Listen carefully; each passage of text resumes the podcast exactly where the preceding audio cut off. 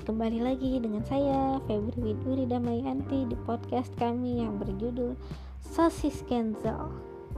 Nah, dalam podcast kali ini saya akan menjelaskan kepada kalian tentang berapa lama sih penyimpanannya sosis Kenzel sampai basi atau bagaimana sih cara penyimpanannya agar selalu segar dan tidak cepat basi banyak juga nih yang DM saya di Instagram menanyakan hal yang sama.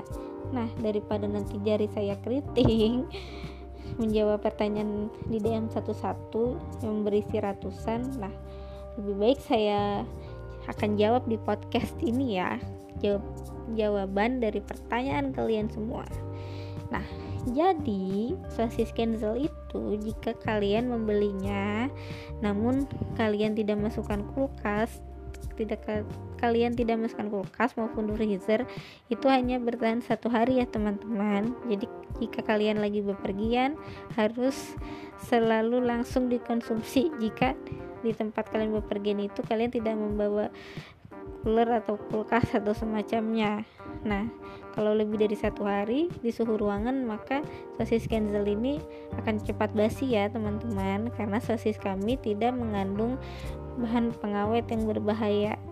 Ingat ingat ingat. Nah untuk di suhu kulkas sosis kami itu bertahan bisa 5 sampai 6 bulan. Namun lebih baik dikonsumsi sebelum 6 bulan ya teman-teman. Nah jika dalam suhu freezer sosis kami itu dapat bertahan hingga satu tahun. Nah buat teman-teman yang kulkasnya besar nih yang freezernya besar. Cocok nih buat kalian untuk stok sosis cancel untuk keluarga sampai satu tahun. Entah buat ayah kalian buat ibu kalian buat kakak buat adik buat ponakan atau mungkin kalian sudah punya anak punya suami ya kan?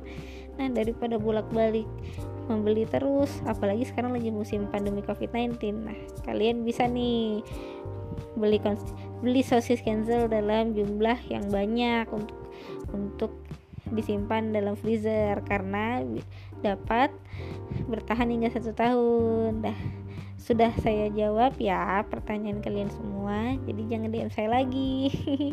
Oke terima kasih teman-teman